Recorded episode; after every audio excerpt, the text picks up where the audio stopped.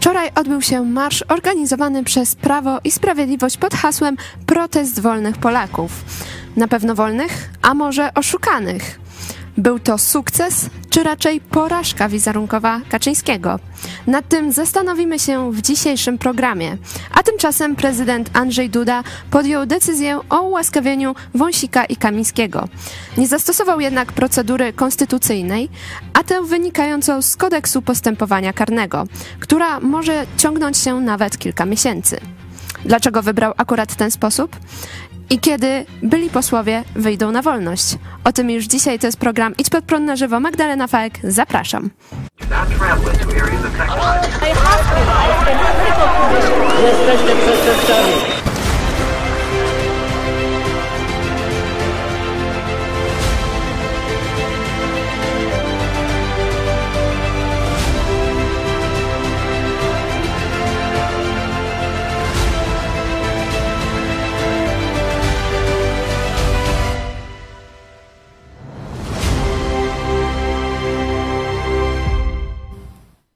Witajcie, jest piątek, godzina 13 wybiła. E, Ze mną w studiu jest dzisiaj redaktor Michał Fałek. Witam Ciebie Tradycyjnie, serdecznie. tak? Tradycyjnie, Witam tak. I witam Was, drodzy widzowie, dzień dobry.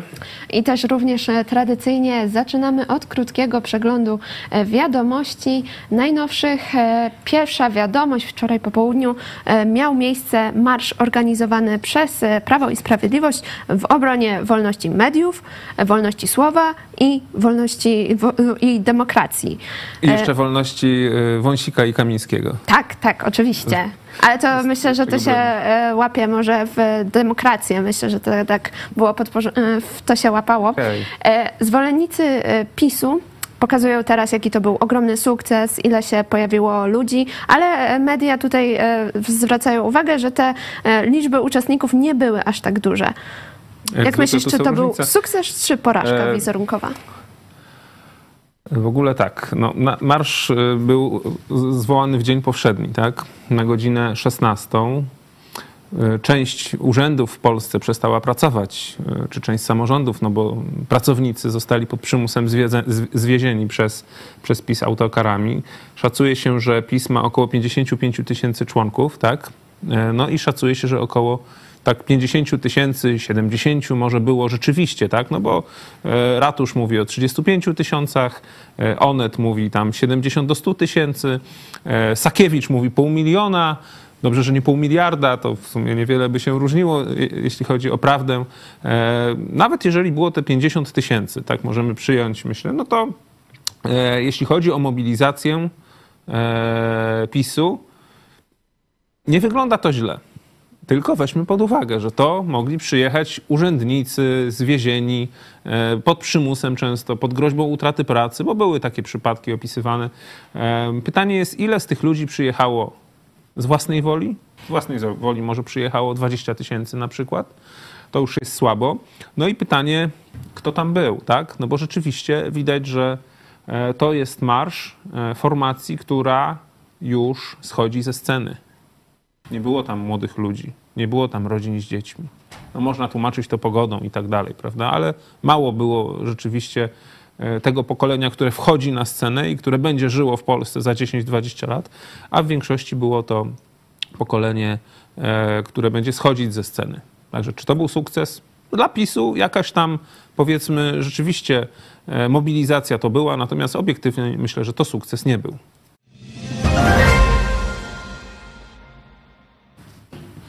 Wczoraj po południu e, miało miejsce również e, kolejne wydarzenie.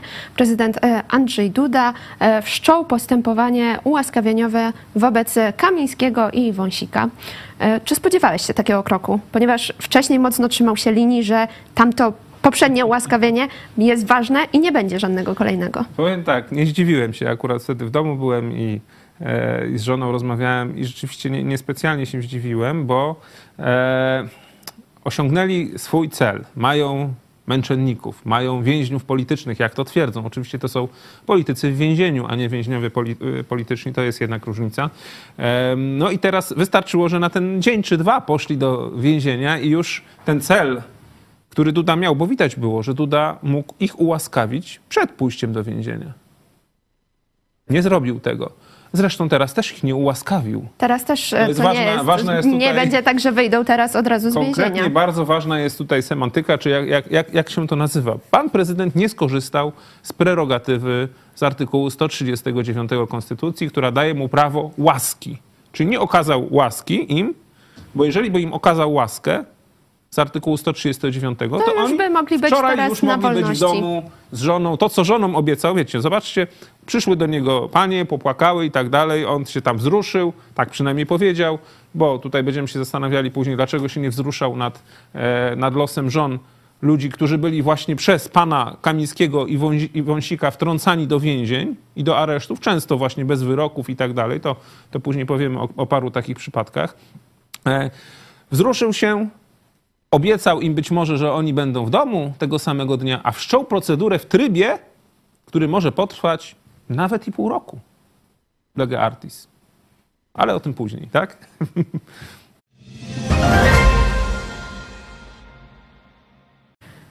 Następują odwołania e, ze społecznych rad szpitali e, wojskowych, nie tylko szpitali, również e, przychodni. Politycy PiSu tracą posady, za które brali często po 12 tysięcy złotych. Czy to koniec z takimi układami w końcu? I to jest właśnie obrzydliwe, co robili ci posłowie, głównie politycy PiSu. Bo to pokazuje, jakie to są, można powiedzieć, niemoralne pijawki żerujące tutaj akurat na budżecie państwa, na budżecie Ministerstwa Obrony.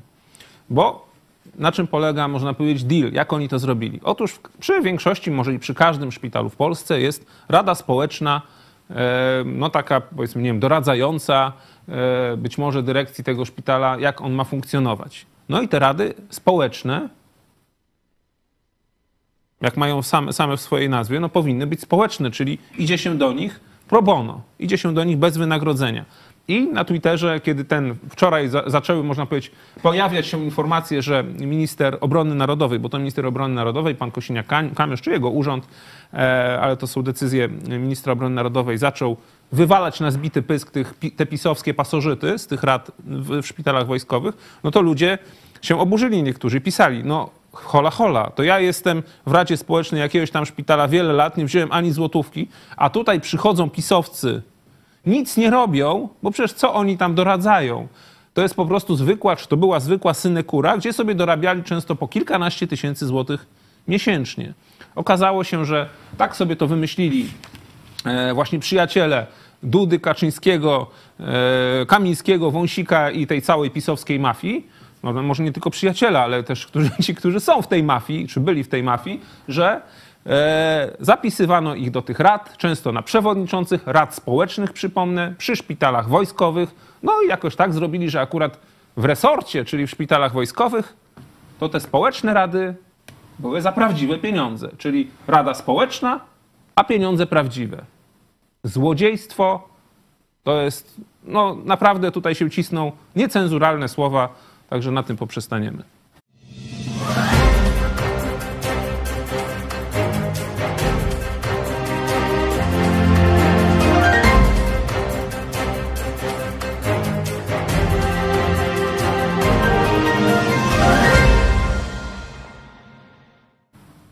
Ja od razu również e, zapowiem, że pod koniec e, programu zastanowimy się również nad pomysłami e, zmian w gospodarce, zmian dla przedsiębiorców, również nad Waszymi pomysłami, ponieważ zgłaszaliście takie pomysły. Także pod koniec programu będziemy analizować i komentować. Również tutaj Tak, redaktor Michał. Falek przedstawi swoje pomysły. Także Mamy tych pomysłów kilka, ale no wybaczcie, te sprawy bieżące związane z polityką są tak ważne, że trzeba też i o nich powiedzieć.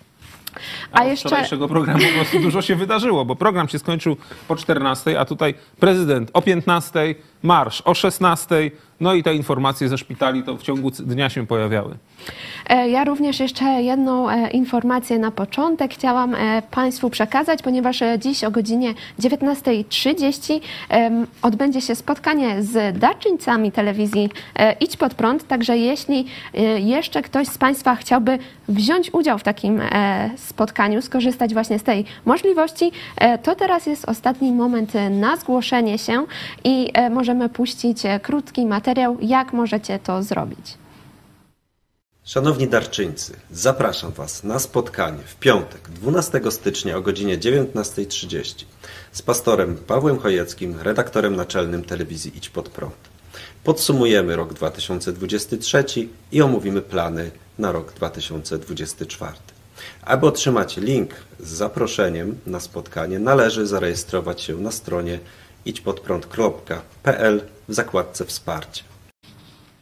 Także jeżeli chcielibyście e, wziąć udział w takim e, spotkaniu, to zapraszamy na stronę idźpodprad.pl wsparcie. A my przechodzimy już e, do bieżących tematów. Marsz który się odbył e, w Warszawie. E, tutaj właśnie już mówiliśmy o tym, są różne szacowania, ile osób wzięło udział. E, jeżeli chodzi o organizatorów, to twierdzą, że tam było 300 tysięcy osób. Warszawski, warszawski ratusz stwierdza, że to było około 35 tysięcy osób. To może być delikatnie niedoszacowane, ale delikatnie. Tak, a na przykład szacunkowe obliczenia Onetu, to tutaj podaje Onet, że to było od 90 tysięcy do 120 tysięcy osób. Czyli uważasz, że ta, te informacje po, po środku są najbardziej tak, obiektywne? Ja, ja, gdzieś tam były też zdjęcia pokazywane, czy, żeby można było sobie samemu wy, wyrobić zdanie e, marszu, który, e, który przed wyborami mm, e, zwołała jeszcze wtedy opozycja, dzisiaj mm, koalicja rządowa i tego marszu. No, widać, że wtedy było kilka razy więcej ludzi na, na podobnym, można powiedzieć, terenie, ale no, nie było mało tych ludzi wczoraj, prawda? Także był to, można powiedzieć, jak na jak na ten, tę porę roku, dzień powszedni i tak dalej, to trzeba przyznać, że źle to nie wyszło. No nie? Sami, sami pewnie pisowcy byli, e, byli zaskoczeni i to jest dla nich jakiś, jakiś pozytyw.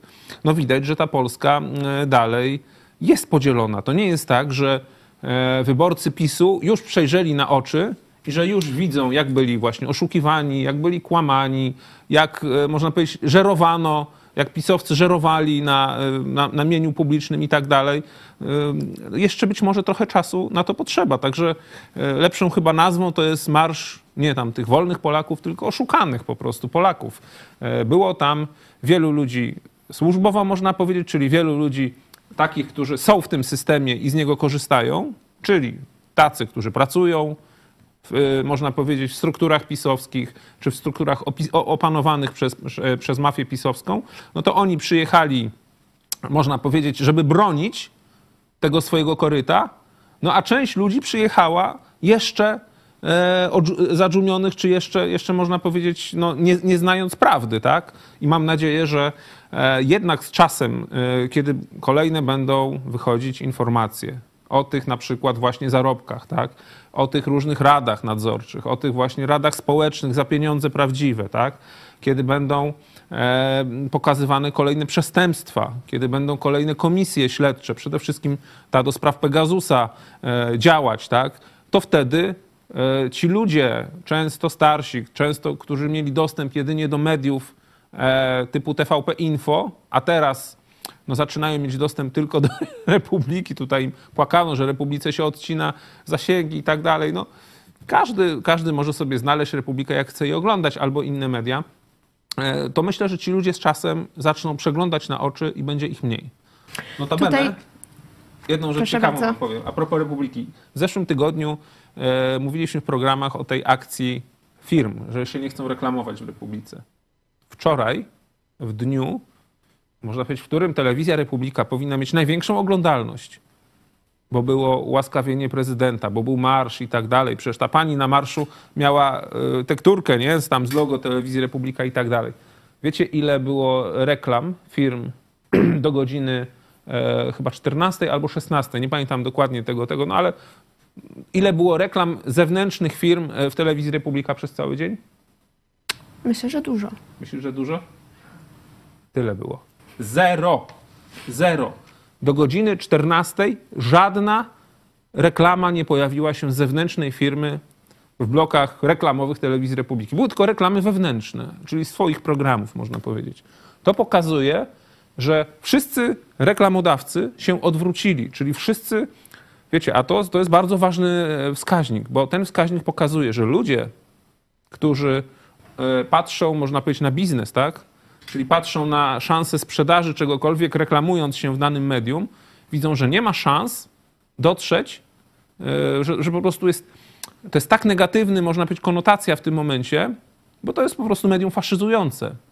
No i to, czy właśnie taki marsz się nie, nie przerodzi w jakiś marsz faszystowski? No myślę, że nie, bo tutaj właśnie brakuje tych takich bojówek, tych takich, wiecie, wychowanych, młodych, y, armii takiej, no ci ludzie, którzy przy, przyjechali, emeryci, renciści i tak dalej, oni nie pójdą przecież e, rozwalać siłą demokracji, także o to jestem spokojny, prawda? Także myślę, że e, PiS się kończy jednak i ten marsz, mimo iż dla PiSu był jeszcze takim, że jeszcze jest nas dużo, no nie? Że jeszcze trochę ludzi przyjechało.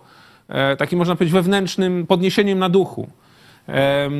To, mm, to, to, myślę, że, że te marsze nie będą większe z czasem, prawda, jeżeli będą organizowali takie marsze. Ale to też pokazuje, że sprawa nie jest jeszcze rozwiązana, że PiS dalej jeszcze ma jakieś możliwości mobilizacji, on je będzie miał coraz mniejsze. Orle, 6 lutego Rada Nadzorcza Orlenu, czy walne na, w Orlenie jest, Obajtek zostanie wywalony e, i tak dalej w innych, w innych spółkach Skarbu Państwa, czyli przestanie, e, skończy się dojenie spółek Skarbu Państwa i przeznaczanie gigantycznych pieniędzy, milionów na PiS i na przykład na propagandę pisowską. Także w tym momencie PiS będzie miał, będzie musiał funkcjonować w warunkach realnej konkurencji. Dać swoją kasę, jeśli chcą robić marsze, tak powinno być i bardzo mnie to cieszy.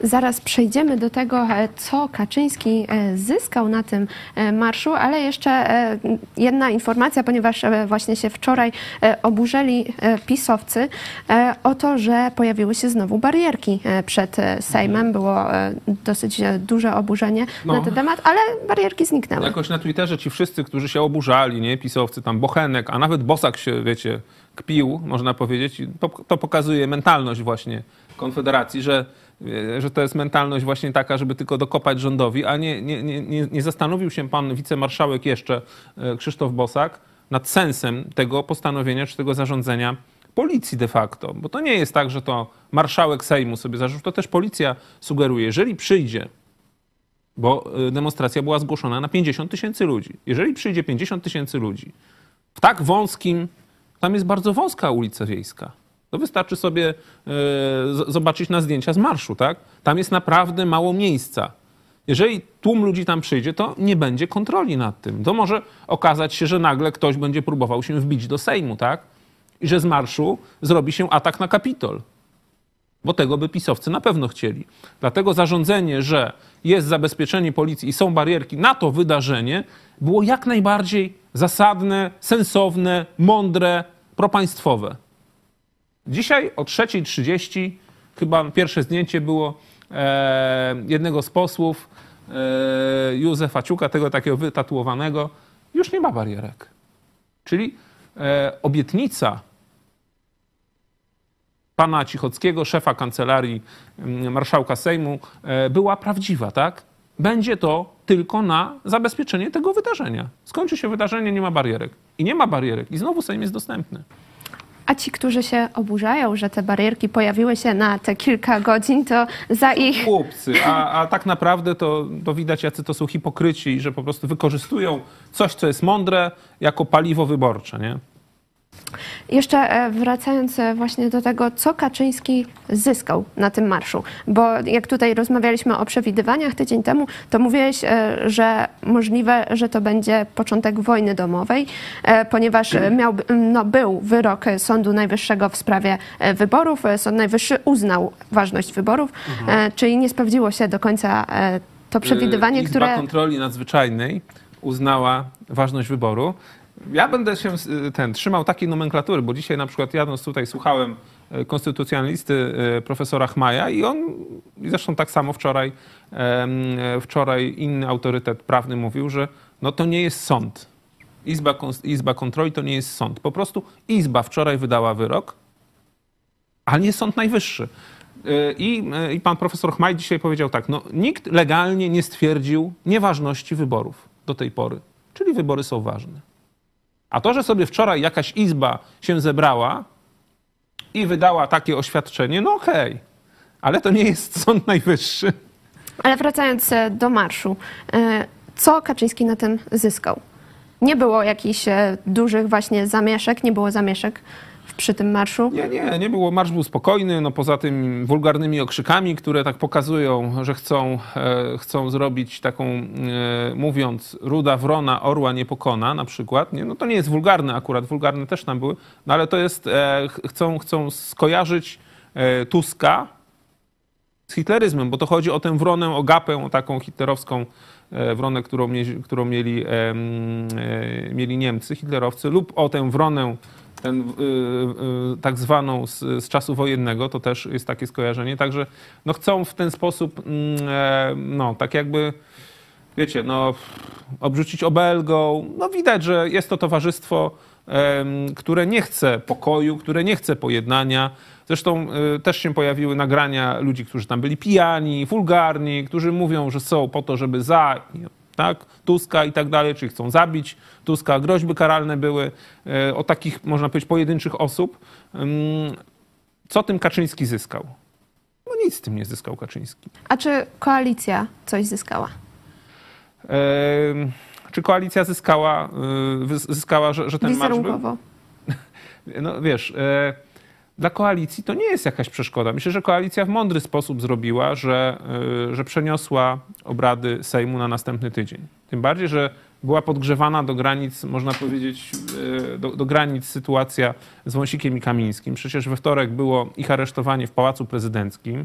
No, haniebne zachowania prezydenta, tak, że gościł przestępców, dał schronienie przestępcom. Tutaj e, spekuluje się, że prezydent być może złamał kodeks kodeks karny, nie tylko konstytucję po raz kolejny, tylko po prostu, że prezydent popełnił przestępstwo, Przestępstwo. tak? E, za które być może odpowie e, w swoim czasie.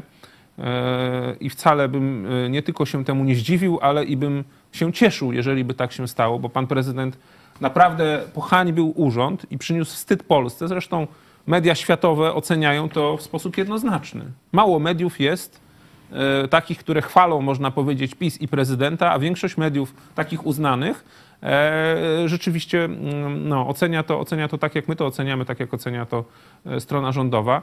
Także tutaj no, koalicja zyskała może tylko w tej sytuacji to, że e, świat, Europa, świat zachodni akceptuje to, co koalicja robi. I nazywa to e, naprawą państwa, przywracaniem prawo, praworządności, e, restytucją tego, co, e, co PiS po prostu zmarnował, zniszczył, zdemolował. No to to można powiedzieć, e, koalicja zyskała e, w tym sensie. E, No zobaczyła też, że myślę, że to jest ważne, żeby zobaczyć, że przeciwnik nie jest pokonany, że przeciwnik ma jeszcze jakieś tam możliwości, będzie próbował walczyć i tak dalej. Jest potrzebny spokój i jest potrzebne to, żeby przez następne miesiące robić swoje. E, Tutaj ciekawą, e, cie- ciekawą myśl. Wczoraj słuchałem e, pana, czy słuchałem, czytałem pana Zelnika. To jest taki znany aktor starszego pokolenia, można powiedzieć, który był bardzo zawsze związany z PiSem i też w spotach wyborczych występował i tak dalej. I on powiedział coś takiego, że daje nowemu rządowi kilka miesięcy, daje im te 100 dni spokoju, żeby rzeczywiście nowy rząd okrzepł i zaczął działać. Zobaczcie, że rząd nie działa jeszcze miesiąca. Dzisiaj mamy A 12 już, stycznia. a już widzimy, z iloma problemami musi się mierzyć I z tutaj iloma problemami, można powiedzieć, sobie poradził, tak? Rząd nie działa jeszcze miesiąca, a w ciągu tego miesiąca mieliśmy przecież święta, Nowy Rok, trzech czy tam sześciu króli i tak dalej. Także zobaczcie, ile było, można powiedzieć, dni wolnych i zobaczcie, ile już się zadziało właściwego. A co będzie w ciągu kolejnego miesiąca?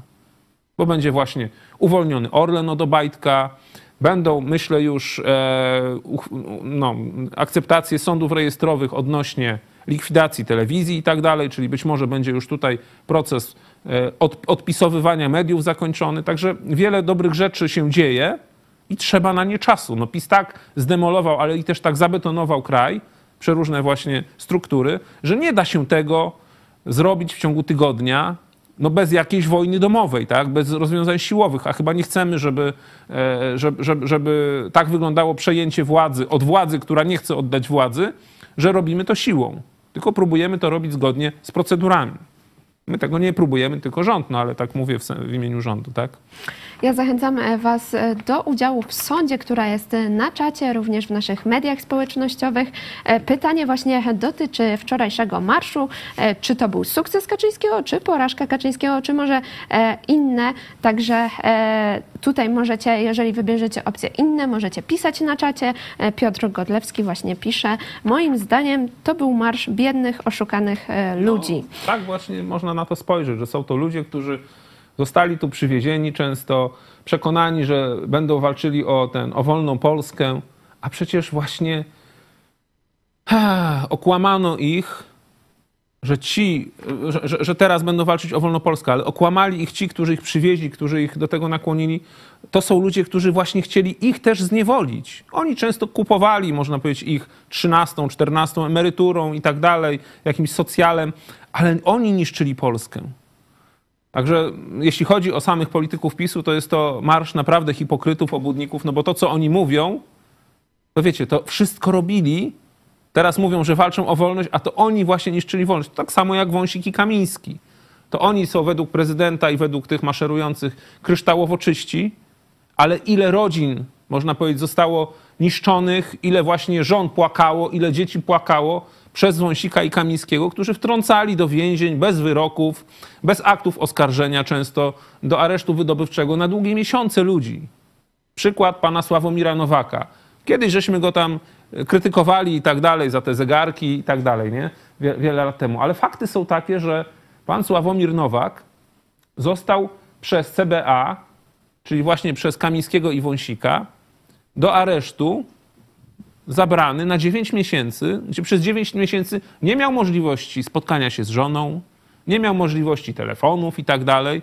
A tutaj panowie Wąsik i Kamiński zostali zabrani, następnego dnia spotkali się e, ze swoimi małżonkami. Tutaj mogą dzwonić, tu jakieś pisma okazuje się wysyłają, tak, bo przecież było pismo podpisane e, przez Kamińskiego. Tutaj jeszcze jeden dzień później prezydent E, ich ułaskawia. Za parę dni prezydent to by ich chciał znowu gościć w pałacu, tak? Jako bohaterów narodowych pewnie im da jeszcze order Orła Białego tym przestępcom.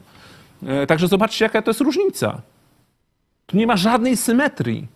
Tu mamy ludzi, którzy popełnili, mówię o Kamińskim i Wąsiku, którzy popełnili jedną z najgorszych, można powiedzieć, zbrodni e, urzędniczych, bo wykorzystali posiadaną władzę do tego, żeby niszczyć swoich przeciwników politycznych. Nawet z tej samej koalicji, nie? Czyli ludzi, którzy mówili, że są przyjaciółmi, też ich niszczyli, nie? Zobaczcie, jakie to jest perfidne, nie? Przecież Lepera, to oni chcieli zniszczyć, to oni szyli tę prowokację na Lepera, tę całą aferę gruntową.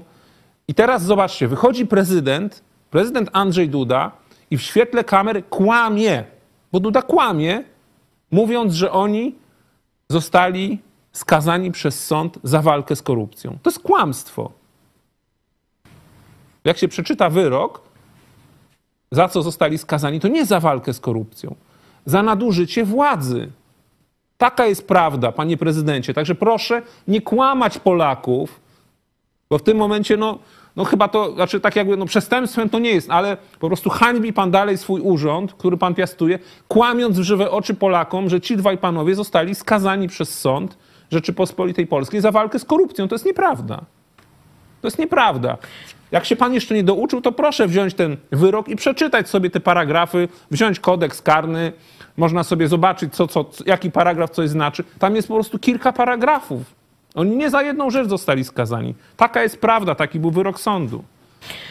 E, Krystyna, Abstrahując Krystyna, od tego ułaskawienia jeszcze, nie? Tak, Krystyna Kowalska e, też właśnie w tym temacie e, pisze, że większość ludzi nie wie, na czym polega wina Kamińskiego i Wąsika. Oni kreowali przestępstwo w celach politycznych, a nie wykrywali prawdziwych przestępców. Ale to W krajach anglosaskich to jest zbrodnia taka, która jest zagrożona nawet do dożywocia karą. Że to jest jedno z najcięższych przestępstw, przestępstw, że ktoś, kto uzyskuje władzę, tę władzę wykorzystuje do niszczenia innych ludzi.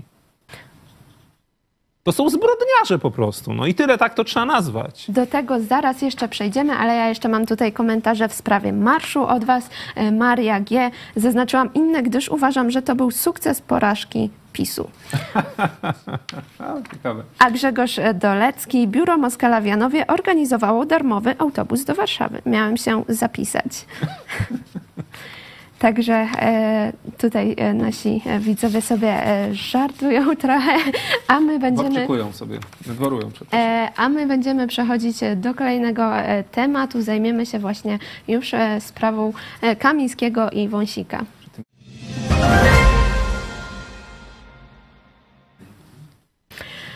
Tak, teraz e, możemy więcej e, przybliżyć e, trochę bardziej niż Co e, tutaj e, we nawyrabiał, wstępie. tak? E, tak, ponieważ e, Andrzej Duda, e, tak jak już e, mówiłeś, e, nie skorzystał e, z konstytucji, e, nie skorzystał e, z tego artykułu 139, gdzie mógłby ich Czyli ułaskawić. ich, tak, gdzie mógłby mówiąc. ich e, ułaskawić i już by nie byli w więzieniu. Jak Mógł to mówi, zrobić że Duda również go ułaskawił, no to, to jest nieprawda. No Duda ich nie ułaskawił. Dopiero wszczął postępowanie ułaskawieniowe. Dokładnie. E, mógł to też zrobić nawet zanim poszli do więzienia, a też tego nie zrobił. E, tylko e, wszczął postępowanie, procedurę z kodeksu postępowania karnego. E, I tutaj dokumenty poszły do prokuratora generalnego e, Adama Bodnara i teraz e, czekamy na jego e, decyzję, ponieważ tutaj normalna procedura zakłada to, że to powinno pójść przez sądy. Sąd pierwszej instancji, sąd drugiej instancji, które już wcześniej wydały wyrok w tej sprawie i te sądy wydadzą opinię pozytywną lub negatywną w sprawie właśnie Ale to idzie z automatu jakoś, czy jak to wygląda dokładnie? Właśnie tutaj będzie zależeć od decyzji prokuratora generalnego. Czyli to teraz prokurator generalny zdecyduje, co z tym zrobić dalej. Tak. Okej. Czy to pójdzie przez sądy, czy pójdzie, bo prokurator generalny e, może po prostu e, sam, bez opinii sądów, przekazać to Okej, prezydentowi. u, u, tak dla naszych widzów uściślimy. Czyli prokurator generalny teraz ma dwie ścieżki do wyboru. Albo poprosi sądy, te, które wydawały wyroki w sprawie Wąsika i Kamińskiego, o opinię, tak? Czyli poprosi sąd pierwszej instancji i później drugiej instancji. Albo nie zasięgnie. Druga opcja to jest taka, że nie poprosi sądów o opinię, tylko prześle tak jakby swoją opinię prezydentowi do, do tej procedury ułaskawieniowej. Czyli teraz pan e, prokurator generalny Adam Bodnar ma, można powiedzieć, piłeczkę po swojej stronie. E, ile to może potrwać? I co jest, i tak jakby, i co jest ważne dla sądów w wydaniu tej opinii? No jeżeli, e, no jeżeli pójdzie to e, właśnie drogą wydawania Bo opinii zazwyczaj przez taką sądy, drogę się stosuje, tak, prawda? to e, każdy sąd ma dwa miesiące na wydanie takiej opinii. Czyli korespondencja, sąd ma do dwóch miesięcy, może to zrobić w tydzień.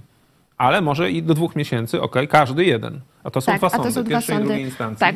E, I później, jeżeli przynajmniej jedna z nich, e, ta opinii będzie pozytywna, no to wtedy e, to idzie właśnie do prokuratora generalnego, który przedstawia prezydentowi. Te opinie i Tak. prezydent może z nich skorzystać, a może również w ogóle to olać wszystko, a i tak ułaskawić. Nie? Zobaczcie Tak, tak, to, tak. że to jest takie... Ale jeżeli będą dwie negatywne opinie To wtedy? sądów, to wtedy już e, koniec postępowania łaskawienia. Ale prezydent może dalej wtedy skorzystać ze 139 artykułu Konstytucji. No tak.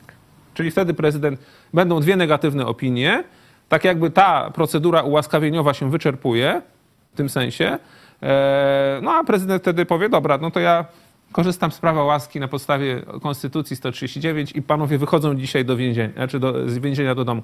Co ciekawe, wczoraj mógł to zrobić, tak, Duda? Mógł, Ale nie zrobił. Dlaczego, no, tego nie właśnie zrobił? No właśnie, zobaczcie. Myślę, że nie zrobił tego z kilku powodów. Po pierwsze, wtedy by w sposób ewidentny przyznał się do winy, że w 15 roku, czyli już 8 lat, no już prawie 9 lat temu, ułaskawił ich w sposób bezprawny. Bo on ich ułaskawił, kiedy jeszcze byli niewinnymi. To trzeba zawsze powtarzać.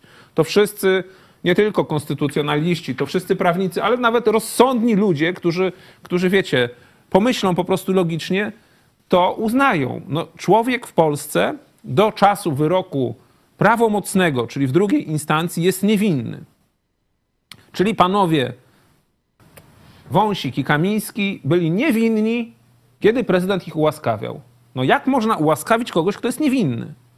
To jest jakaś aberracja. No to jest właśnie swoiste pojmowanie prawa przez Dudę, nie? Można jeszcze, możemy przypomnieć wam, jak to Duda wtedy e, w tym 15 roku tłumaczył, nie? Jak, że on właśnie, co on zrobił, nie? Że uwolnił, uwolnił wymiar e, sprawiedliwości e, od tej sprawy. Nie wiem, czy fragment, tak mamy na teraz nagranie, czy możemy je puścić. Zaraz, zaraz nasza e, reżyserka, myślę, że znajdzie Ważne to są jego słowa. nagranie. W swoisty sposób uwolniłem wymiar sprawiedliwości od tej sprawy, od tego problemu. No Duda wtedy wszedł w kompetencje władzy sądowniczej. Prezydent jest władzą wykonawczą. Mamy trójpodział władzy. Prezydent nie jest sędzią, nie jest sądem. On wtedy złamał konstytucję, bo wziął się po prostu, uznał za sąd najwyższy. I tyle.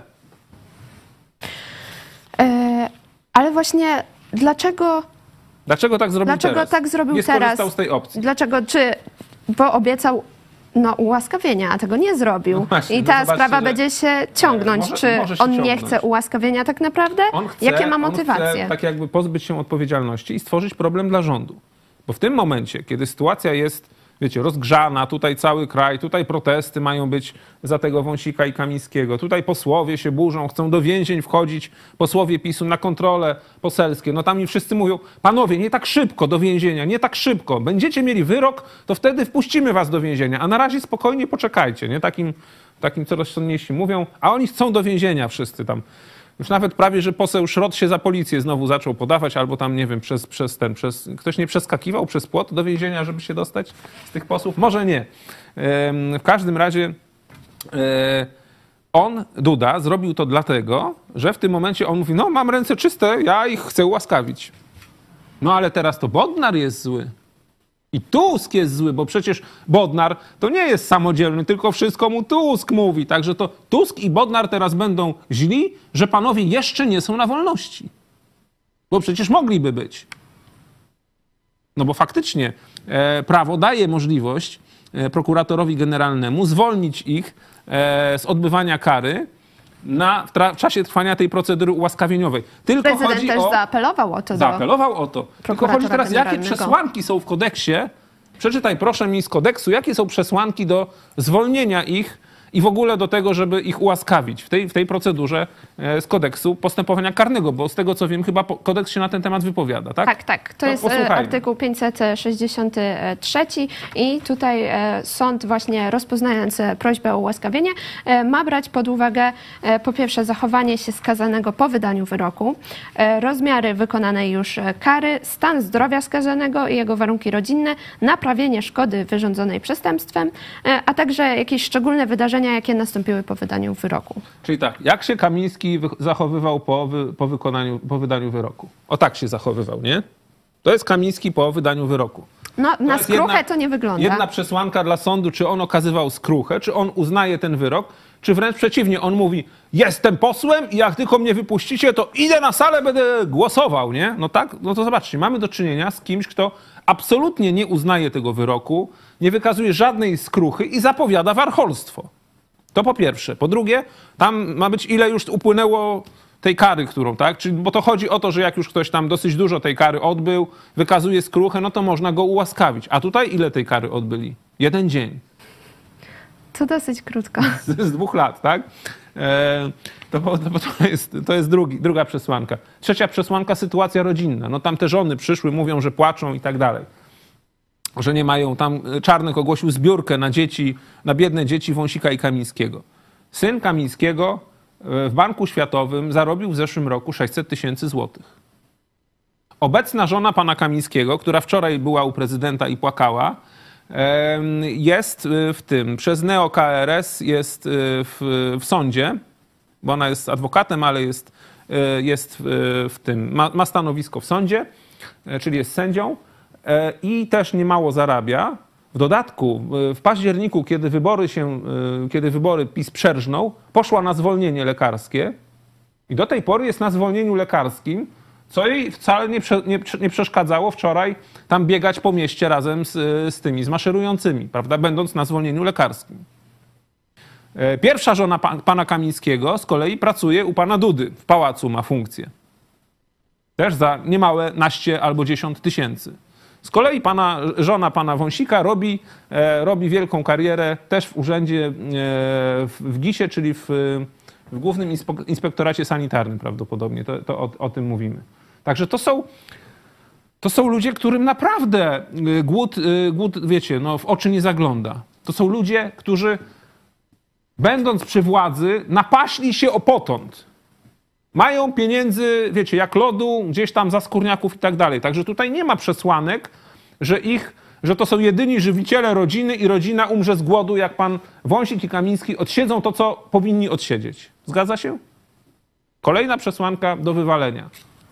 Czyli jeżeli mamy wprowadzić państwo, czyli jeżeli nowy rząd ma wprowadzić państwo, gdzie będzie każdy równy wobec prawa, to niestety nawoływania pana prezydenta powinny być jak kulą w płot, bo jeżeli każdy ma być równy wobec prawa, to panowie Wąsik i Kamiński nie spełniają żadnych przesłanek, żeby ich jakoś szczególnie potraktować, tylko dlatego, że są przyjaciółmi pana prezydenta, że pan prezydent myśli czy mówi o nich, że są krystalicznie czyści, choć są to przestępcy i zbrodniarze. No i tyle. Powinni odsiedzieć swoje, a jeżeli już pan prezydent chce ich ułaskawić i nie wybrał procedury, która pozwala mu przez akt łaski zwolnić ich w tym samym dniu do domu, tylko wybrał procedurę przez KPK, to niech ta procedura odbędzie się tak, jak się odbyła w przypadku każdego Kowalskiego czy Nowaka wcześniej. Ja bym to postulował.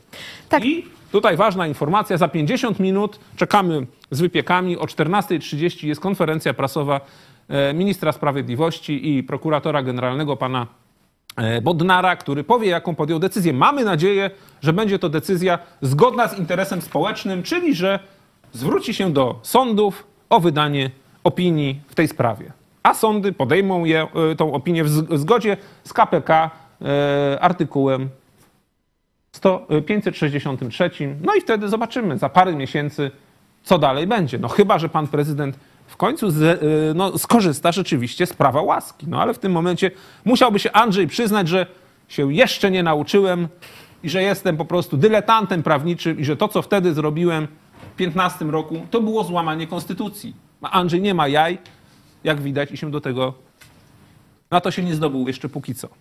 Tutaj właśnie e, też e, karniści wypowiadają się, że właśnie nie widzą tego, żeby e, właśnie Kamiński i Wąsik mieli spełnić te przesłanki e, do ułaskawienia e, według właśnie e, kodeksu postępowania karnego. My mamy już Po to nagranie. Teraz, to nagranie, Tak. To proszę. ale po prostu no, Duda musi ich ułaskawić, tak jak ułaskawił ostatnio ziem, ziemniak, Ziemkiewicza i Ogórek, tak?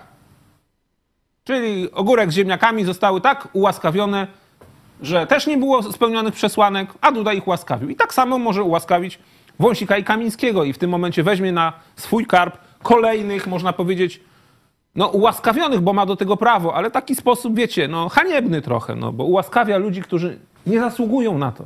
Mamy już e, nagranie, jak e, właśnie prezydent Andrzej Duda komentował e, to swoje pierwsze ułaskawienie Mariusza Kamińskiego i Macieja Wąsika. W drugiej instancji prawda jest taka, no ta sprawa tak rozpalała emocje, że jaki wyrok nie zostałby wydany, zawsze ktoś by powiedział, że to był wyrok polityczny, a więc ta sprawa była nieprawdopodobnie niszcząca i niekorzystna dla wymiaru sprawiedliwości.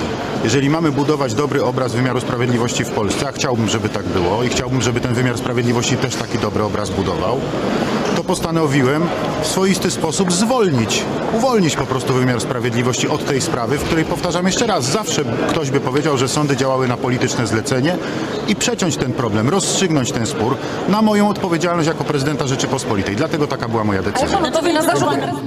Tutaj Andrzej Duda postawił się właśnie e, W roli w roli, tak. Ale ważne jest to, co powiedział. Zrobiłem to na moją odpowiedzialność. I to tak naprawdę był ten grzech założycielski tego burdelu, który mamy w Polsce teraz. Kto jest odpowiedzialny? Sam Duda to wtedy stwierdził. Na moją odpowiedzialność. Tak, to ty, prezydencie Andrzeju Dudo, jesteś odpowiedzialny za to, co mamy teraz w Polsce. Za to, że właśnie Wąsik i Kamiński siedzą w więzieniu, ty też jesteś odpowiedzialny. Bo jakby ich ułaskawił wtedy zgodnie z prawem, to by nie byli drugi raz, czy można powiedzieć nie drugi raz, nie byliby skazani w drugiej instancji. Teraz, tylko byliby wcześniej skazani w drugiej instancji, ty byś ich ułaskawił, no, nie byliby wtedy posłami. A byli posłami, byli szefami CBA i co ważnego zrobili w tym czasie, bo to jest bardzo ważne. Wąsik i Kamiński byli odpowiedzialni za wiele przestępstw, to będzie wyjaśniane, ale byli przede wszystkim odpowiedzialni za sprawę Pegasusa. To oni nadzorowali w czasie wyborów w 2020 roku szpiegowanie Pegasusem konkurencji politycznej, bo między innymi szpiegowano szefa sztabu wyborczego, e, kandydata wtedy pana e, Trzaskowskiego, prezydenta Warszawy, pana Brejzę, szpiegowano Pegasusem. Czyli zobaczcie, że wybory, które się na korzyść Dudy w 20 roku, o włos można powiedzieć, on, on nie wygrał, wiecie, 60 do 40, on wygrał marginalną większością głosów. Duda z Trzaskowskim.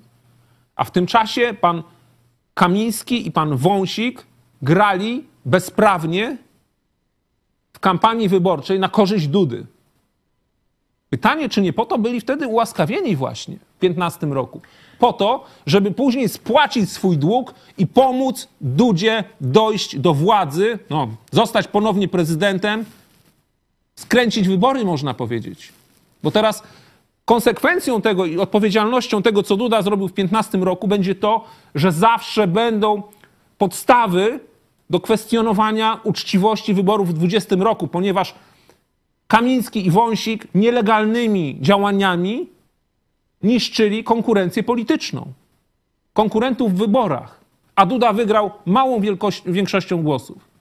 Także to jest też konsekwencja tego, co wtedy Duda zrobił. Ciekawe jest e, to, co e, Kamiński e, mówił 20 lat wcześniej e, o ułaskawieniu przez prezydenta Kwaśniewskiego. Zbigniewa Sobotki, który był skazany za korupcję, to wtedy mówił, że to jest kolesiostwo i układy, a chyba przez te 20 lat trochę mu się perspektywa zmieniła. Dokładnie, nie? Dlatego, wiecie, to też jest, myślę, że dlaczego Dudzie tak bardzo zależy, żeby oni jak najszybciej wyszli z więzienia. Bo oni dużo wiedzą. Oni bardzo dużo wiedzą. No, w więzieniu trudno jest tak.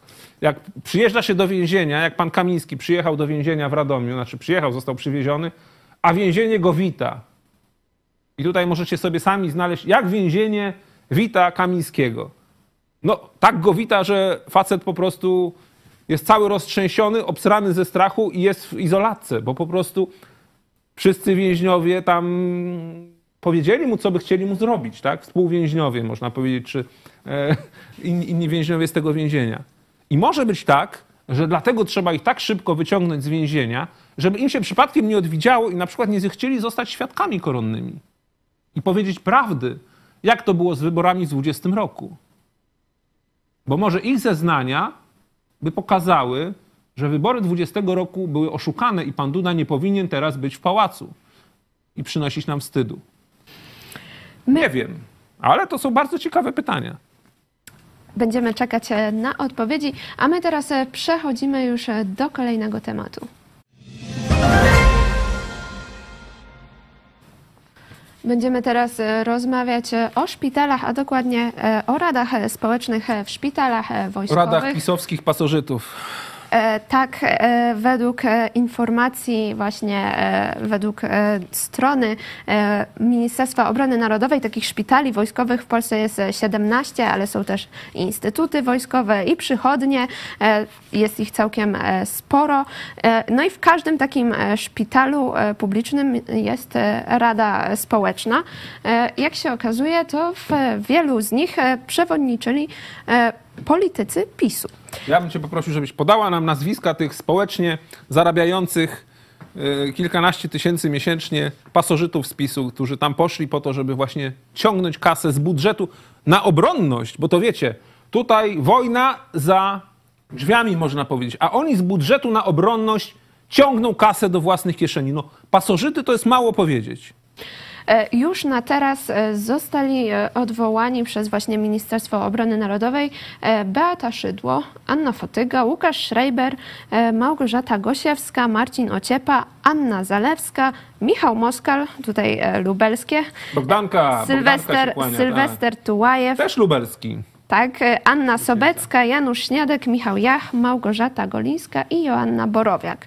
E, To już na teraz są, e, ci, te osoby zostały odwołane. Myślisz, że będzie więcej jeszcze odwołań? Oczywiście, że będzie więcej. Są też odwołania z innych synekur, ale to są nazwiska, które, za którymi powinna po prostu ciągnąć się taka, wiecie, wstążka, później czarna hańby i powinno się przypominać przy tych nazwiskach. Kradłeś, no nie kradłeś, wyciągałeś pieniądze, e, będąc w Radzie Społecznej e, przy jakimś szpitalu wojskowym. Kiedy w innych radach społecznych w całej Polsce wszyscy są pro bono, a ty żeś wyciągał kasę.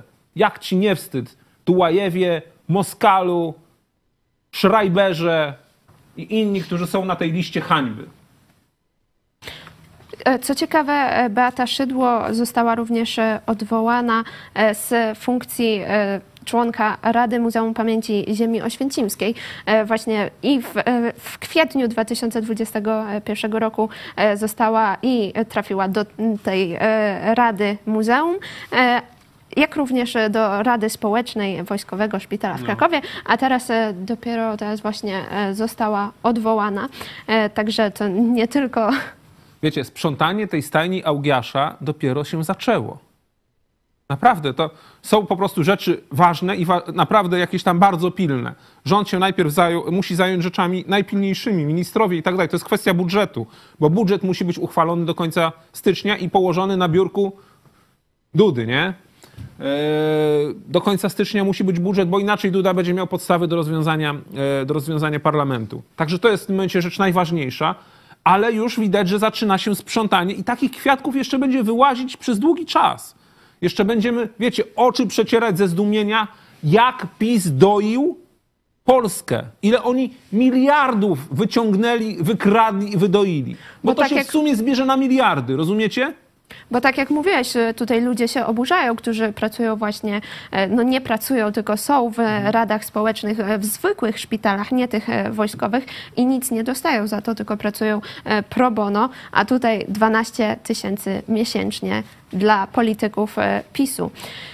Czy tak właśnie funkcjonują kariery polityków, że jak się kończy ta kariera w polityce, to to przenoszą trakcie się do szpitali? W trakcie bycia w Sejmie. To są wszystko przecież aktualni politycy, często z pierwszych stron gazet, z pierwszego garnituru, że tak powiem, pisowskiego. To nie są, to nie są można powiedzieć, emerytury polityczne. To są ludzie, którzy są, byli przy władzy i jednocześnie jeszcze szli do różnych spółek, Skarbu Państwa, rad nadzorczych. Tego też jest pełno, tych rad nadzorczych, nie? KRS, tam jakie pieniądze w KRS-ie dostawali.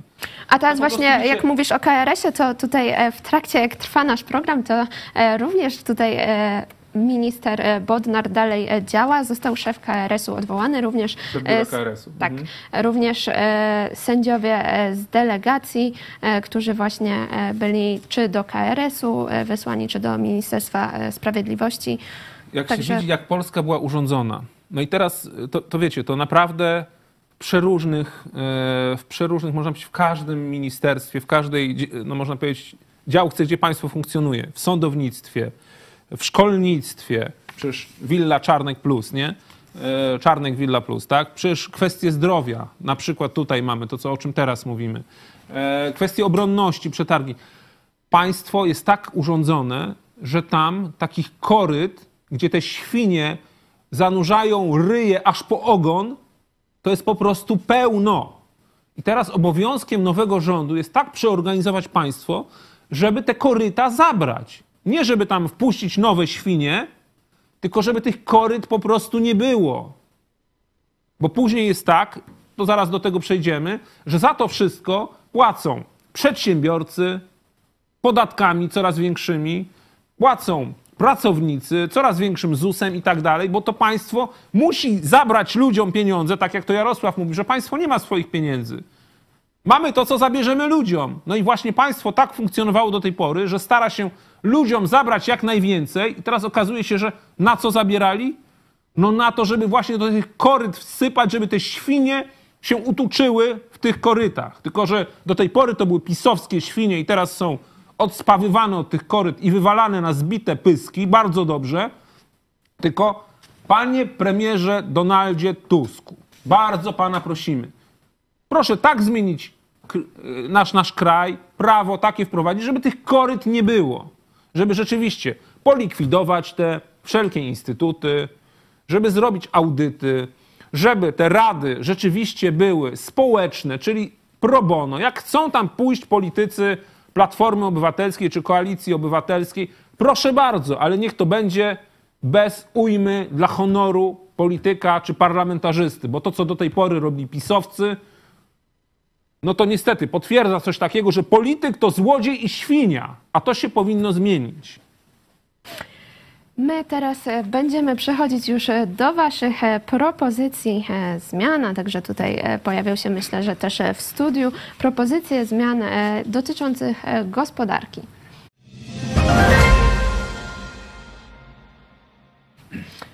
Tutaj e, dostałam bardzo dużo e, odpowiedzi od naszych e, widzów właśnie dotyczących e, propozycji zmian. Zadajemy pytanie, co nowy rząd może zaproponować e, przedsiębiorcom i co może dać e, ludziom tak, aby nie Czyli co stracił dla przedsiębiorców i co dla Tak. obywateli. tak, aby nie stracić e, poparcia i jak najlepiej właśnie dla zwykłych obywateli, e, żeby było. Może zacznę od propozycji naszych widzów, później ty będziesz e, mógł przedstawić swoje propozycje. Piotr Żmuda, bardzo dobry apel. Zmniejszenie podatku dochodowego plus możliwość odliczenia składki zdrowotnej. Propozycja taka. Zgadzasz się? Tak. E, Ale tutaj mamy kwotę wolną podatku. Na razie mamy 30 tysięcy, którą PiS podwyższył. Obietnicą nowego rządu jest zwiększenie jej do 60 tysięcy złotych. Rozumiem, że jest to nie do zrobienia w tym roku, dlatego, a to też jest za to odpowiedzialny Duda. E, No bo jeśli by nie dał, można powiedzieć, rządu Morawieckiemu na miesiąc, Przecież to było, wiecie, kpina, niejednokrotnie o tym mówiliśmy. Duda do tej pory się nie nauczył, że 194 to jednak jest mniej niż 231. E, Jeżeli by Duda nie dał e, możliwości tworzenia rządu Morawieckiego, to ten rząd, który już jest ukonstytuowany, miałby miesiąc więcej na stworzenie własnego budżetu. A tak to ten rząd jest pod presją czasu. No i ja rozumiem, że w tym roku tego nie wprowadzili do budżetu, ale oczekujemy, że w następnym roku już to się yy, pojawi. Czyli kwota wolna 60 tysięcy złotych. Kolejna propozycja Renata e, Almen. Opuścić Unię Europejską, pozbyć się tego szajsu z naszego życia. Wielka Brytania już się odczepiła, więc dlaczego nie my? No właśnie, czy to jest dobry pomysł? Ja osobiście, choć byłem zawsze przeciwny wejściu do Unii Europejskiej i przecież chodziliśmy wtedy, wycieraliśmy, można powiedzieć, chodniki, walcząc o to, żeby, żeby, żeby Polacy nie dali się przekonać wtedy propagandzie i żebyśmy nie weszli do Unii Europejskiej, to myślę, że na dziś wyjście całkowite z Unii Europejskiej, tak jak to zrobiła Wielka Brytania, to by była dla Polski katastrofa gospodarcza. Dlaczego? Dlatego, że Polska jest e, gospodarczo tak silnie już teraz związana z Unią Europejską, że to po prostu polska gospodarka by się zawaliła. My mamy większość, większość naszych transakcji, eksport, import, to są z Niemcami. Francja, kraje ościenne, połu- południowe, tak, południowi sąsiedzi, ale przede wszystkim Niemcy. No tak to wyszło, że przez te 20 lat Polska się tak związała gospodarczo e, z krajami Unii Europejskiej, że teraz wprowadzenie e, rozwodu, no to byłoby tym właśnie e, Wielka Brytania przeżywa wielkie trudności z Brexitu związa- związane. Bo to jest, wiecie, wprowadzenie znowu kwestii celnych, kwestii granicznych, kwestii przeróżnych regulacji e, prawnych, jakichś tam norm i tak dalej. To, y, to nie pomaga brytyjskiej gospodarce. Ja wcale nie widzę, żeby brytyjska gospodarka jakoś rozkwitła po wyjściu, po wyjściu z Unii Europejskiej. Nie? To może, y, może dałoby się y, jakoś, nie wiem, luzować albo prowadzić taką, tak politykę, żeby ona nie szła rzeczywiście w kierunku federalizacji, czyli żeby Unia Europejska nie stała się, wiecie, jednym wielkim superpaństwem, tylko żeby rzeczywiście była, by, były państwa niezależne, e, tak jak jest to mniej więcej teraz, tak? czyli nie zmieniać tego za specjalnie, czyli korzystamy e, ze swobodnego przepływu granicznego, ze swobodnego przepływu w handlu, w biznesie i tak dalej, ale nie, nie postępuje integracja polityczna. I to bym zostawił już. E, tutaj e, Maria Stan. Wprowadzić coś na wzór ustawy Wilczka. No, to by było fajne, nie? Czyli e, znieść koncesje, właśnie zmniejszyć po- podatki i tak dalej. To by było super, żeby była powrót do wolności gospodarczej. To jest świetny pomysł, nie? Piotr Setkowicz. Niech przywrócą zasady zawierania umów zleceń sprzed kilku lat. To była kiedyś jedna kartka i niewielki ZUS, a teraz to jest książka i wielki haracz dla ZUS-u. No wiecie, no cały ten nowy ład Morawieckiego i tego jego, jego syna Patkowskiego, tak, e, syna politycznego, to po prostu jest rozwalenie polskiej przedsiębiorczości e, i generalnie podwyżka podatków, bo wprowadzenie do każdej umowy tego, że składka zdrowotna, ta 9% jest, jest tak jakby doliczana, to, to generalnie podniosło podatki, szczególnie tym małym przedsiębiorcom.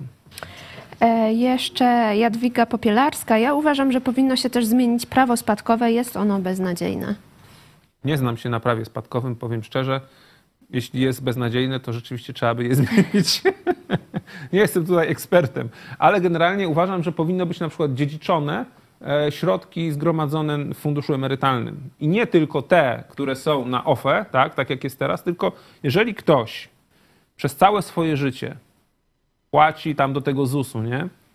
I umiera miesiąc po przejściu na emeryturę. A znam takie przypadki, nawet w naszej rodzinie był taki przypadek, że człowiek przez całe życie ciułał, ciułał, ciułał, uciułał jakąś tam kwotę, ma ten kapitał, można powiedzieć, zebrany, przechodzi na emeryturę, po dwóch miesiącach niestety umarł.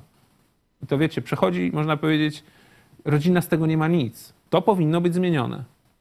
Że to powinno być w całości dziedziczone, uważam, te pieniądze. E, Jeszcze tutaj mamy e, pomysły w sektorze e, rolnictwa od Pawła Skopnika, naszego eksperta właśnie w dziedzinie rolnictwa. Pomysły tak. Złagodzenie norm środowiskowych. Ludzie chcący zwiększać swoje gospodarstwa muszą miesiącami walczyć z ochroną środowiska, zaniżać pojemność budynków, e, bo przecież jak będzie w danej wiosce 50 krów więcej, to świat się skończy. No. Pierwszy pomysł. Zagazują te krowy całą atmosferę w tej wiosce. Pewnie o to chodzi. E, Drugi pomysł uprościć prawo budowlane. Za własne pieniądze na własnej działce Tak. musimy ponad rok załatwiać pozwolenia, żeby rozbudowywać swoje gospodarstwa. To myślę, że nawet e, nie tylko w sektorze W rolnictwa, ogóle ale to, to tak, jest tak dla wszystkich obywateli. Tu fajnie mówił Art Thompson, kiedy był, e, kiedy był w Polsce. Nasz przyjaciel ze Stanów Zjednoczonych. On kiedyś mu opowiadał e, anegdotę, nie, ale prawdziwą historię, jak poszedł e, w stanie Illinois i chciał coś zbudować na swojej ziemi, no i poszedł do urzędu o pozwolenie, a oni mówią, panie, ale o co, o co się pan pytasz? Jakie pozwolenie? No masz pan ziemię, to se pan buduj, po prostu. Pańska własność, pan co chcesz, nie? I tak powinno być. Tutaj właśnie e, też e, w kwestii własności kolejny postulat, kwestia wycinek prywatnych lasów jest praktycznie niemożliwe, żebym wyciął hektar swojego lasu i przekształcił tę ziemię w pole. Czyli co to za własność? No tak. I jeszcze e, ostatnie obniżenie albo całkowicie zdjęcie akcyzy z paliwa. Rolnik przy e, 50 hektarach e, gospodarstwa zużywa rocznie kilkanaście tysięcy litrów paliwa. Jest to ogromna część kosztów gospodarstwa. Generalnie akcyza na paliwo powinna być e, dużo mniejsza i paliwo powinno być dużo tańsze, bo w Polsce jest bardzo drogie paliwo. No problem jest, tutaj właśnie jest problem związany z całą Europą, bo w Europie jest drogie paliwo, są wysokie podatki, e, no i że jakby w Polsce byłoby za 4 zł, a w Niemczech jest za 7 czy za 8, no to, to po prostu, no ale niech przyjeżdżają Niemcy i kupują, i kupują w Polsce to paliwo. Pytanie, czy byśmy dali radę tyle wyprodukować, żeby było co sprzedawać, nie? Ale rzeczywiście no, w wielu krajach, to ja pamię- pamiętam, mówiłem wam, jak byłem, yy, byłem w poprzednim roku w Kanadzie, zobaczyłem, że paliwo może być kilka razy tańsze. Że może być kilka razy tańsze. Że paliwo jest za, yy, no tam jest za półtora dolara akurat, no to jest powiedzmy na polskie około tam 4 złotych było, no to może nie kilka razy tańsze w tym sensie niż w Polsce, ale patrząc na siłę nabywczą, to jest kilka razy tańsze.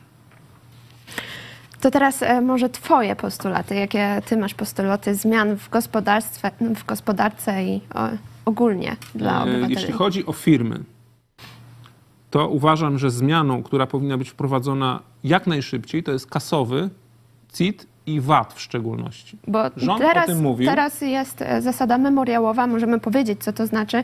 To znaczy, że e, firmy muszą płacić podatek od czegoś, e, od faktur, za które jeszcze nie mają pieniędzy, nie Tak, zostały zapłacone. Firma, a szczególnie to dotyczy branży, gdzie jest odroczona płatność, tak? I na przykład taką branżą jest branża budowlana, w której, w której ja pracuję, ale wiele innych. Jest coś takiego, że na przykład przedsiębiorca realizuje kontrakt, tak? Wystawia fakturę, na przykład na, nie wiem, milion złotych, tak? Netto. Od miliona złotych VAT jest 230 tysięcy złotych.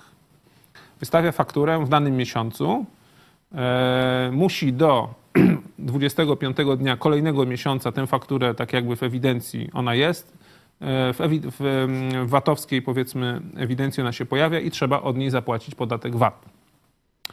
Ale z jakichś tam powodów jego kontrahent jeszcze powiedzmy coś tam nie zrobił odbioru, jeszcze tych pieniędzy nie ma. Czyli jeszcze mu nie zapłacił tego miliona netto z VAT-em miliona 230 tysięcy. I okazuje się, że kolejny miesiąc się zaczyna, a Urząd Skarbowy już wysyła pismo. Bo Urząd Skarbowy teraz wysyła pismo w ciągu tygodnia. Z wezwaniem do zapłaty 230 tysięcy VAT-u. A jak nie, to od razu Sankcja karna, wchodzimy na konto, później wiecie, odsetki i tak dalej. Nie? I okazuje się, że ktoś, kto nie dostał pieniędzy za to, co zrobił, ale wystawił fakturę już, musi zapłacić podatek, choć nie ma z czego. I to jest właśnie problem w tej, tej metodzie memoriałowej. Naprawdę uczciwa jest metoda kasowa, czyli wystawiam fakturę za coś, coś zrobiłem, dostaję pieniądze i w tym momencie muszę zapłacić państwu od razu tego samego dnia. Ale mam z czego zapłacić. Rozumiecie? A w tym momencie, no to urząd ma, wiecie, no poradź sobie. Trzeba było może nie wystawiać faktury. No ale jak zrobiłem jakąś czynność, no to powinienem ją udokumentować. Została wykonana, nawet mnie prawo obliguje, że jeżeli coś zostało wykonane, to powinienem wystawić za to rachunek czy fakturę, tak?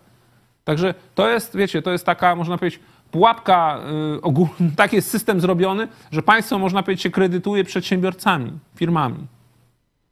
To nie jest uczciwe, to nie jest fair. A VAT jest akurat dla E, dla budżetu jednym z najważniejszych podatków przynoszącym największe wpływy. Także państwo tutaj nie chce ustąpić, bo nawet e, rząd ten, który teraz jest, idąc do władzy, mówił, że będą podatki kasowe. Ja, słysząc to, liczyłem, że to, no jak mówią o podatkach dla firm, no to właśnie CIT i VAT, a teraz już mówią tylko CIT na razie. Czyli podatek dochodowy, który się, wiecie, rozlicza tak naprawdę na koniec roku który jest mniejszej wartości. Nie? Także to jest coś, co bardzo by ułatwiło firmom funkcjonowanie, płynność by poprawiło, firmy miałyby pieniądze na rozwój, na inwestycje. To jest naprawdę, e, myślę, że państwu by się krzywda nie stała. Tym bardziej, że to pomogłoby firmom, które są w kilku branżach, gdzie właśnie są odroczone płatności. A większość firm, gdzie jest powiedzmy sprzedaż gotówkowa, to one i tak mają od razu płatność, to dla nich nie, nie robiłoby to żadnej różnicy. Czyli państwo by na tym bardzo nie ucierpiało, wpływy do budżetu. No część tych wpływów byłaby odroczona w płatności, powiedzmy.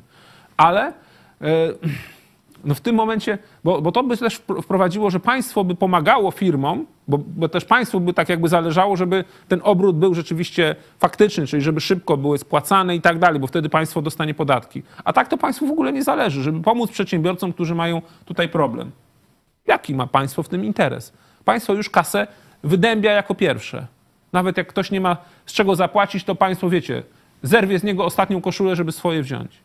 Tak też nie powinno być, bo w tym momencie ktoś, kto załóżmy jest w chwilowych problemach, ktoś mu nie zapłacił, jest przez państwo jeszcze dorżnięty, nie? dokręci mu się śrubę i zabierze mu się wszystko, bo tak jest, takie jest prawo. Tak nie powinno być. Nie? Także to uważam, jako pierwszą rzecz powinno się wprowadzić zmianę kasowy CIT i VAT. Druga rzecz dla firm, szczególnie dla małych firm, dla jednoosobowych działalności gospodarczych i małych spółek, to jest, e, to jest abolicja. Zobaczcie, często jest tak, że przychodzi nowy władca, nowy rząd, to tak jakby anuluje długi i tak dalej. Bo często jest tak, że wiele, wiele jest takich podmiotów gospodarczych, szczególnie właśnie po wprowadzeniu nowego ładu, czyli po tym jak PiS niszczył firmy małe, jak im utrudniał życie, jak właśnie e, przecież doprowadzili do wielkiej inflacji, to też wpłynęło negatywnie na wiele przedsiębiorstw. Wiele małych firm, jednoosobowych działalności gospodarczych e, no jest po prostu zarżniętych mają długi, z których się nie mogą wykaraskać. Mają długi wobec właśnie Skarbu Państwa, na przykład niezapłacone coś, albo wobec ZUS-u, przecież ZUS przymusowy e, był i jest e, i można im wprowadzić abolicję, tak? Czyli przychodzi nowa władza, ok, do jakiejś wysokości, czy w jakichś tam warunkach i tak dalej, wprowadzamy abolicję, czyli umorzenie długów tych, które ktoś wpadł, no, nie ze własnej woli i tak dalej, długów wobec Skarbu Państwa, nie wobec innych, można powiedzieć, przedsiębiorców, tak, żeby tutaj nie było że ludzie się krzywdzą nawzajem, czy firmy, i dajemy wam możliwość funkcjonowania. Startujcie od nowa, dajemy wam warunki do tego. No i trzecia rzecz to jest dobrowolny ZUS. Powinna być taka wprowadzona zasada wychowania ludzi do odpowiedzialności i dania im wolnej woli. To ty musisz zadbać o swoją przyszłość. Owszem, trzeba zachęcać do jakichś. Yy, do jakichś powiedzmy ubezpieczeń indywidualnych i tak dalej, tak? Albo żeby ta składka była, wiecie, minimalna. W wielu krajach bogatszych te składki nie są tak wielkie jak w Polsce. Dzisiaj w Polsce ZUS od jednoosobowej działalności gospodarczej w tym nowym roku to jest prawie 2000 zł i on jest obowiązkowy i ktoś musi go zapłacić niezależnie czy zarobi 10 tysięcy, czy 20, czy 2 albo 3 tysiące. To ten ZUS musi 2000 zapłacić. W pierwszej kolejności. Nawet jak ma mu później nie starczyć na chleb, na wodę mu starczy, nawet jak ma umrzeć z głodu, to ZUS musi zapłacić. Od razu to wiecie, też absurd kolejny. Bo takie właśnie e, traktowanie e, przedsiębiorców przez państwo, że państwo jest takim, można powiedzieć, bezwzględnym, jak, jakby rekietierem, nie? czyli wiecie, mafiozem, nie? który harasz swój weźmie bezwzględnie, bez żadnej, e, bez mrugnięcia okiem, podważa naprawdę zaufanie do państwa, chęć robienia biznesu w tym państwie i tak dalej. No. Te trzy rzeczy ja bym wprowadził, e, czyli kasowy CIT, VAT, abolicję i dobrowolny ZUS. My dziękujemy również za Wasze pomysły e, Ale w jeszcze tej mam kwestii. też pomysły do, dla, dla obywateli. A proszę bardzo. No to mówiliśmy o firmach. Dla obywateli no to była ta akcyza na paliwo i alkohole tutaj. Jeszcze też były głosy, to akurat głosy od was. No tutaj jest ważne, żeby, no bo jakieś, e, no państwo też musi mieć przychody. Wiadomo, wiadomo że chcielibyśmy, żeby państwo jak, mniej, jak najmniej nam zabrało, ale też z czegoś musi państwo funkcjonować. Ale tutaj ważne jest, żeby państwo było oszczędne, tak? Czyli żeby właśnie nie było tych fundacji, tych instytutów, te, tego, tego paśnika i tych chlewów dla tej trzody e, chlewnej państwowej, czyli dla właśnie dla tych polityków, żeby tego było jak najmniej, to wtedy trzeba będzie mniej brać od ludzi, tak? Natomiast e, no, akcyza, na przykład na alkohol, no to też ma funkcję taką, żeby e, jakoś współgrać też w tym, żeby ludzi, żeby naród się nie rozpijał, tak? Że jak alkohol będzie obłożony jakimś podatkiem, no to wtedy nie będzie on tak łatwo dostępny dla każdego i każdy będzie, będzie sobie pił ile wlezie i, e, i to też się może źle skończyć. Natomiast no tutaj warto, żeby państwo, y, minister finansów, mam nadzieję, że ten nowy minister finansów to jest rozsądny facet i wie, co to jest na przykład krzywa Lafera, tak? Że podwyższanie e, podatków w pewnym momencie skutkuje tym, że e, że produkcja przenosi się do białej strefy i już nikt nie płaci tych za wysokich podatków. Także podatki powinny być tutaj nie za wysokie, rozsądne. E, Jeszcze były takie też od naszych widzów, dwa, e, dwa do mnie e, dotarły pomysły. Jeden to jest, żeby zlikwidować funkcję sygnalisty. Tadam. I nie chodzi o sygnalistę na kolei, tylko o sygnalistę e, w gospodarce, czyli kogoś, kto donosi po prostu i, e, i robi coś dobrego. No, lepiej niech się każdy rzeczywiście skupi na sobie. Jeżeli będą uczciwe warunki do konkurencji, jeżeli państwo nie będzie tutaj niektórych preferować, a innym podkładać, e, można powiedzieć, nogi, to wtedy nie, nie, nie, nie, są też potrzebni donosiciele. No, będzie uczciwa, wolna konkurencja i niech sobie ludzie radzą. No i żeby zlikwidować abonament RTV. Ja myślę, że jest dobry pomysł. A telewizja publiczna niech będzie odchudzona. Nie musi być takiego Bizancjum, jak było do tej pory. No i niech ludzie płacą tym mediom, e, które oglądają. Niech płacą, jak sobie kupują kablówkę, to płacą za kablówkę. Jak sobie kupią jakąś Netflixa, czy cyfrę, czy coś tam, to niech za to płacą abonament. A jak chcą wesprzeć telewizję Idź Pod Prąd, to mogą wesprzeć telewizję Idź Pod Prąd, a nawet mogą wesprzeć Republikę. Też dajemy im to prawo. W tym e, miejscu oczywiście zachęcamy do wsparcia naszej telewizji, jeżeli Wam się podoba, e, co tutaj e, widzicie. Także możecie zajrzeć sobie na stronę idźpodprat.pl e, wsparcie. Do tego zachęcamy. A my, myślę, możemy teraz przejść do wyników sądy, która trwa cały czas na czacie, również w naszych mediach społecznościowych.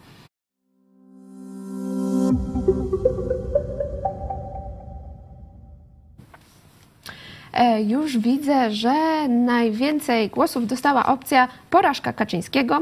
E, Tutaj chodzi o wczorajszy marsz, e, że była to porażka wizerunkowa Kaczyńskiego. 66% naszych ankietowanych tak stwierdza.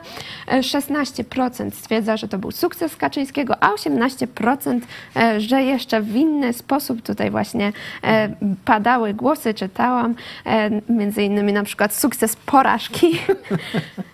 Sukces porażki, porażki Kaczyńskiego. No tak, tak. To w tym momencie mamy 80 parę procent już. E, Ja jeszcze e, Was e, zachęcam do ciągłego wysyłania pomysłów właśnie w jaki sposób rząd Tuska mógłby szybko zliberalizować życie gospodarcze Polaków, także zachęcam Was do tego. Możecie przesyłać swoje pomysły czy na czacie, czy na maila kontakt małpa.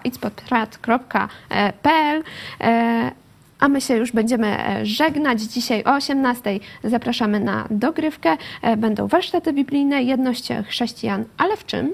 E, Także zachęcamy do oglądania. Ja dziękuję Tobie za udział w programie. Ja dziękuję również. Przypominam Wam, jeszcze dzisiaj są dwa wydarzenia medialne, też takie w przestrzeni publicznej. Za, za 17 minut pan, pan Bodnar powie, jaką podjął decyzję, a dzisiaj o 20 będzie wywiad w telewizji właśnie, ale we wszystkich telewizjach jednocześnie. W publicznej, Polsacie i w TVN-ie ci e, dziennikarze prowadzący z tych trzech telewizji będą przepytywać premiera Donalda Tuska. Godzinny wywiad, gdzie mają być podobno trudne pytania. Bardzo mnie to cieszy. Zobaczmy, co premier naszego rządu powie nam, co zrobił przez ten miesiąc, co planuje zrobić i jak się odniesie do tych wszystkich takich trudnych, można powiedzieć, tematów dnia dzisiejszego. To jest ciekawe, że zobaczcie, strona, ta dawna rządowa teraz opozycji mówi, że tutaj nie ma wolnych mediów, że musi być wolne media i tak dalej. Wczorajsza manifestacja, ten marsz oszukanych Polaków był transmitowany we wszystkich mediach. Ja na przykład widziałem, że był transmitowany i w TVN-ie, i w TVP Info i tak dalej. A oni twierdzą, że, że nie, że nie, że już media są, wiecie, zabrane, że, że nie ma już wolności w mediach, że nowy rząd zabrał media. No nie, ich manifestacja była pokazana w każdym medium, każdy mógł sobie zobaczyć. I dzisiaj też będzie ten wywiad z Tuskiem. Ciekawe, może będzie jutro okazja, jutro nie, bo jutro sobota, ale w poniedziałek skomentować. Może Paweł Chojecki, jak będzie, będzie miał, e, będzie miał ciekawe e, rzeczy do skomentowania po dzisiejszych wydarzeniach. Także dużo wydarzeń jeszcze dzisiaj. Dziękuję Ci bardzo za udział w programie. Był ze mną redaktor Michał Fałek. Dziękuję Tobie, dziękuję Wam. A ja dziękuję, że byliście z nami. Dziękujemy e, za wszystkie głosy i udział w sądzie. A my widzimy się o 18.